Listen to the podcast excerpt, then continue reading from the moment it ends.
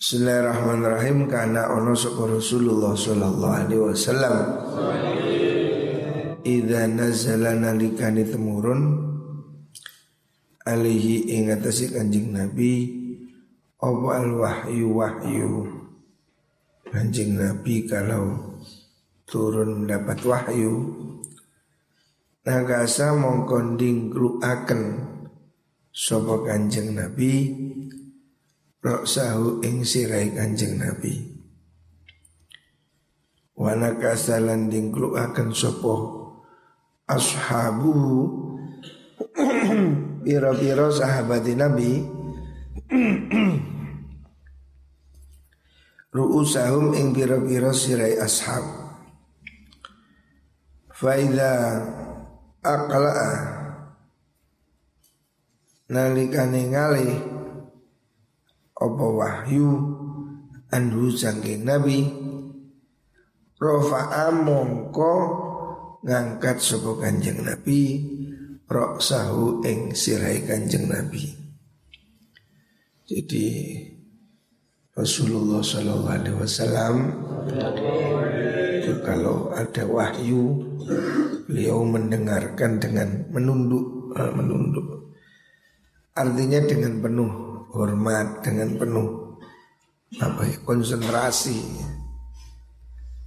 Rawahu Muslim. Karena Allah sebuah kanjeng Nabi iku nazala nalikani temurun. Alaihi ing atase kanjeng Nabi opal wahyu wahyu. Kalau sedang mendapat wahyu dari malaikat Jibril. Sumi'a mongko den rungu. Indah wajihi ono ngersane wajah kanjeng Nabi Kadawin nahli kaya bengunge tawon Roh Tirmidzi Jadi kalau Nabi itu concern ya sedang malaikat turun bawa wahyu terdengar seperti ada suara berdengung katanya. Ini masalahnya kan kontak dengan alam alam goib ya, malaikat. Makanya ya ada situasi yang ya mungkin sangat sangat ending, sangat ada seperti mendengung katanya. Karena Allah Rasulullah Sallallahu Alaihi Wasallam Ida tadawara nalitane tangi bengi sapa Kanjeng Nabi.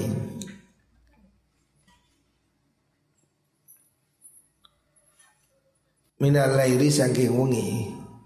Maksudnya kalau Nabi malam hari Kanjeng Nabi itu bangun Kala mengkodawu sapa Kanjeng Nabi La ilaha illallah Al-wahidul qahar Rabbus samawati wal ardi wa ma bainahuma al azizul ghafar. Ini zikirnya kanjeng Nabi kalau bangun tidur. La ilaha illallah al wahidu kang ijen al qaharu kang maha perkasa. Rabbus samawati kang mengerani kabeh langit wal ard lan bumi wa malan perkara bainahuma antarane samawati wal ard Al azizu zat kang moho mulya al ghafaru zat kang moho pengapura. Jadi ini zikir Nabi di waktu malam. Kalau Nabi sedang apa bangun tidur atau terjaga Nabi mengucapkan La ilaha illallah al-wahidul qahar Rabbus samawati wal ard wa ma bainahuma al-azizul fahar Ini bisa diikuti. Artinya kita ini meniru ya. Ini bagian dari sunnah. Rasulullah Shallallahu Alaihi Wasallam hmm, kalau malam hari baca doa ini. Kita kalau bangun ya hendaknya mengikuti. Artinya kita bisa meniru ya apa yang dilakukan oleh kanjeng Nabi. Ini bagian dari sunnah. Rohul Hakim. Karena Rasulullah kanjeng Nabi Ono sapa kanjeng Nabi Idza jaa iku idza jaa nalikane tumeka apa amrun perkara? Yusarru kang den bungaken sapa kanjeng Nabi? Den bungaken bihi kelawan ma. Kharra mongko jungkung sapa kanjeng Nabi. Syakiran hale wong kang syukur lillahi maring Allah azza wa jalla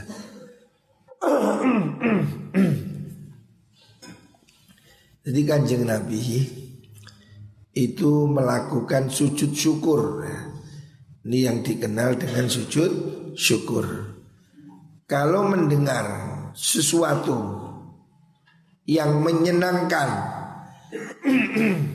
umpamanya dapat rezeki atau dapat apa sesuatu yang hmm,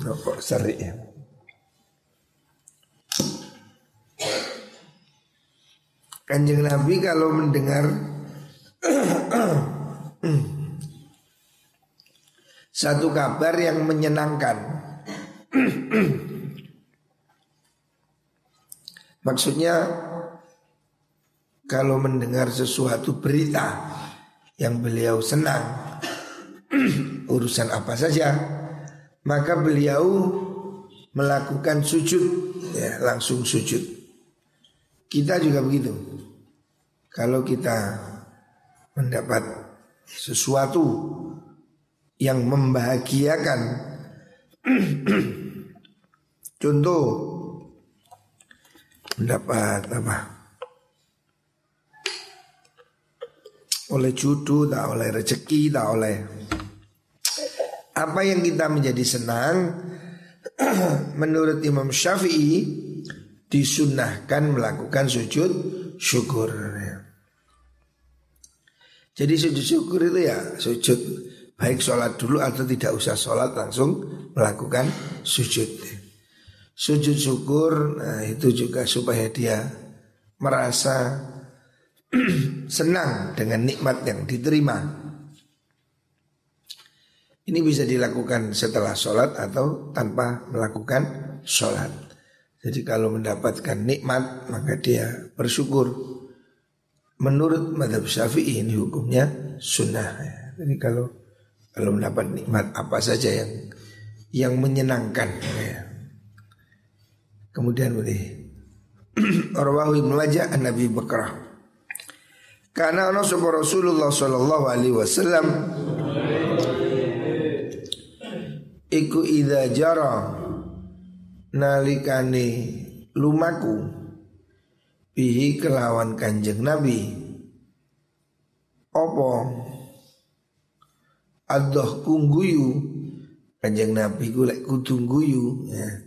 Jadi ini menerangkan sifat-sifat Nabi. Kanjeng Nabi itu kalau mau tertawa gudung guyu. Wadoa. Wadoa mongko sapa kanjeng nabi ya dahu ing astone kanjeng nabi ala fihi ing atase tutuke mulutnya kanjeng nabi. Artinya kanjeng Nabi itu kalau tertawa itu tidak ngakak wah wah wah wah Jadi kanjeng Nabi kalau tertawa itu ditutupi supaya mulutnya tidak kelihatan mangap Atau Nabi itu lebih sering tersenyumnya. Orang guyu ngakak-ngakak gitu tidak ya. Jadi beliau itu sangat sopan. Kalaupun tertawa itu ditutupi. Kalaupun tertawa ya. tidak dibuka supaya mulutnya itu tidak kelihatan mangap katanya. Jarang sekali Nabi tertawa terbahak-bahak. Nabi juga tertawa tapi tertawanya seperti tersenyum. Ya. Rawahul Baghawi. Karena ono sapa Rasulullah sallallahu alaihi wasallam Idza dakhala oh idza khala nalikane persepen maksudnya kalau sedang berdua dengan istri ya sedang apa itu acara keluarga binisaihi kelawan piro-piro garwane kanjeng Nabi iku alyanan nasi luwih lembute menungso jadi kanjeng Nabi itu kalau dengan keluarga, dengan istri itu sangat lembut. Artinya seorang pemimpin itu harus tahu ya kapan tegas, kapan lembut. Kalau di rumah sama anak, sama istri, jangan seperti komandan upacara. Ini, macam nunggu, udah ya harus situasinya ini harus di apa usahakan yang menyenangkan. Kanjeng Nabi itu di rumah itu ya seperti suami yang baik, artinya melayani istri, ikut masak, ikut apa bersihkan rumah. Kanjeng Nabi itu sangat apa sangat menyenangkan ya, bagi istri-istrinya itu. Tidak kaku, tidak kasar. Wa akramun nasilan luwih mulyani menungso Artinya beliau itu sangat bagus akhlaknya Dohakan turkang akeh guyuni banyak tertawa. Basaman tur akeh meseme ya. Jadi jangan dibayangkan kanjeng Nabi itu angker. Tidak. Kanjeng Nabi itu pribadi yang sangat menyenangkan. Ya. Bahkan beliau ini tidak jarang apa bercanda, bercanda dengan istrinya ya. Sebuah riwayat Kanjeng Nabi itu ngemong sama istrinya Sayyidah Aisyah. Kan Sayyidah Aisyah itu gadis kecil. Kanjeng Nabi itu kadang dijak balapan Melayu. Padahal Nabi sudah 50 ke atas. Istrinya kan masih belasan tahun. Nabi juga menghibur Sayyidah Aisyah. Ada orang Habasyah sedang atraksi. Aisyah diajak nonton, ya, melihat. Artinya Nabi juga memberi hiburan ya pribadi yang menyenangkan pada keluarga. Kadang Aisyah diajak balapan lari. Untuk orang usia di atas 50 tahun ya, balapan lari itu sesuatu yang apa ya? Ya merupakan ke kelembutan hati kan. Orang biasanya harus malas ya. Tetapi kanjeng Nabi itu memang orang yang luar biasa akhlaknya. Khususnya kepada keluarga ya. Jadi kalau di rumah itu ciptakan suasana yang menyenangkan. Ya. Jangan semuanya menjadi kaku. Ya. Walaupun jenderal seperti Sayyidina Umar seorang gagah berani. Tapi kalau di rumah lembut. Ya. Pernah ada sahabat datang mau mengadu pada Sayyidina Umar. Dia mau ngadu bahwa istrinya itu cerewet cerewet itu ya cerewet ngamuan nesuan jokotan nah. dia datang pada Sayyidina Umar ternyata Sayyidina Umar ada di dalam rumah tapi di ulu isalam berkali-kali tidak keluar. Akhirnya diintip sama sahabat itu. Ada apa sih kok kemresek di rumah diintip ternyata Sayyidina Umar duduk istrinya marah-marah istrinya pidato. Sayyidina Umar duduk tenang. Artinya Sayyidina Umar kok terus marah. Enggak jadi rumah tangga ini harus ada yang ngalah kalau istrinya jadi api suaminya harus jadi air lalu sing wedok ngamuk sing lanang ngamuk yo gelut banting TV hancur Sayyidina Umar pun mau mendengarkan istrinya marah-marah. Umar duduk tenang. Cara saya tinggal rokokan. Jadi tidak dilayani. Tapi Sayyidina Umar bisa. Ya.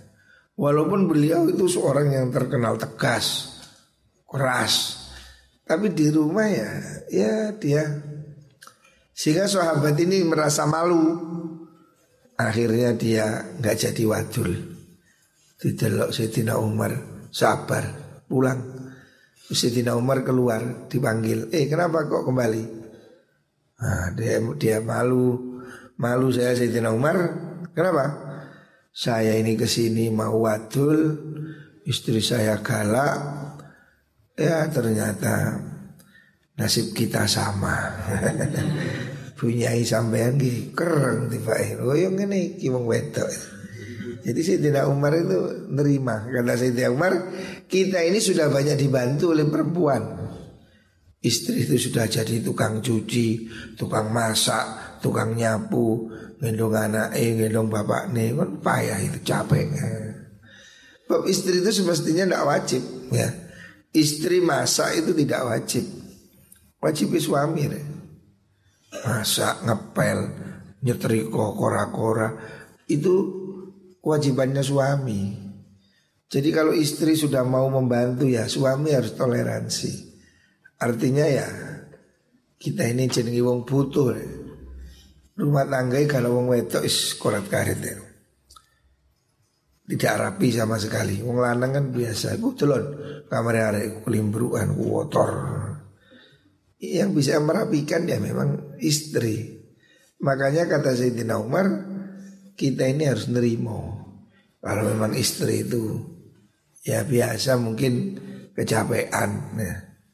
Terus pidato Anggap ini jurkam lah wis Seru noe wong wong wong wong wong wong Kalau kamu jawab tambah tua Wan wan wan tua bisa dijawab meneng wis mari-mari dewi. Wong lek nesu gak dijawab meneng lego ya. Tapi lek dijawab bahannya tambah akeh. Karena orang emosi ini mulutnya lebih cepat dari pikirannya, mendahului. Mau kok bedil gak dipikir. Makanya ya cara yang terbaik itu ya diam itu. Rasulullah Sallallahu Alaihi Wasallam juga menganjurkan orang yang emosi itu supaya mandi, supaya wudhu, supaya tenang. Karena memang emosi ini situasi yang seperti wong kesetanan. Lihat dituruti, yo ngamuk, yo gelut dan seterusnya. Makanya harus ada keseimbangan. Kalau suami marah, istrinya diem, mesti jawab. Atau istrinya marah, suaminya diam. Itu akan segera berakhir. Jadi kalau ada sengketa itu kuncinya cuma dua, senyum dan diam. Nah, senyum supaya urusan ini clear, diam supaya gak tambah tua. Lek kon rame yo tambah tua wae. Bojomu kok jak tukaran yo iso jilid satu, jilid dua, jilid tiga ngono tua. Lebih baik kamu cukup senyum dan diam. Senyum supaya kamu tenang Guyang guyu ya ya ya ya Diam Supaya urusannya gak tambah panjang Sebab orang bertengkar ini Kalau tidak ada yang bisa mengendalikan diri Waduh Yo anu ya Tambah tua tambah tua Akhirnya gelut nah. Rawahu Ibnu Asakir Karena Allah Rasulullah Sallallahu Alaihi Wasallam Iku idza dakhala nalikane mlebu sapa Kanjeng Nabi asuko ing pasar. Kanjeng Nabi kalau masuk pasar. Kanjeng Nabi juga pernah ke pasar. Jadi Kanjeng Nabi itu sisi yang sangat manusiawi. Terkadang juga beliau pergi ke pasar walaupun tidak apa gak sering-sering. Tapi Kanjeng Nabi itu seperti manusia ya jalan ke pasar ya berdagang ya Artinya sosok pribadi yang seperti kita Artinya sifat manusia Tapi dia istimewa Tapi tidak kemudian dia tertutup, sakral Harus ada pengawal. Tidak, kanjeng Nabi itu ya sederhana seperti orang biasa ya. Dia itu ya Nabi yang dari memang dari manusia Bukan malaikat ya. Jadi dia Ya sifat seperti manusia contohnya ke pasar Ya senyum Ya marah ya Kala mongko dawuh sapa Nabi bismillah Allahumma inni as'aluka min khairi hadhi suq. Nah, itu doa masuk pasar. Karena pasar ini banyak setan. Banyak genderuwonya.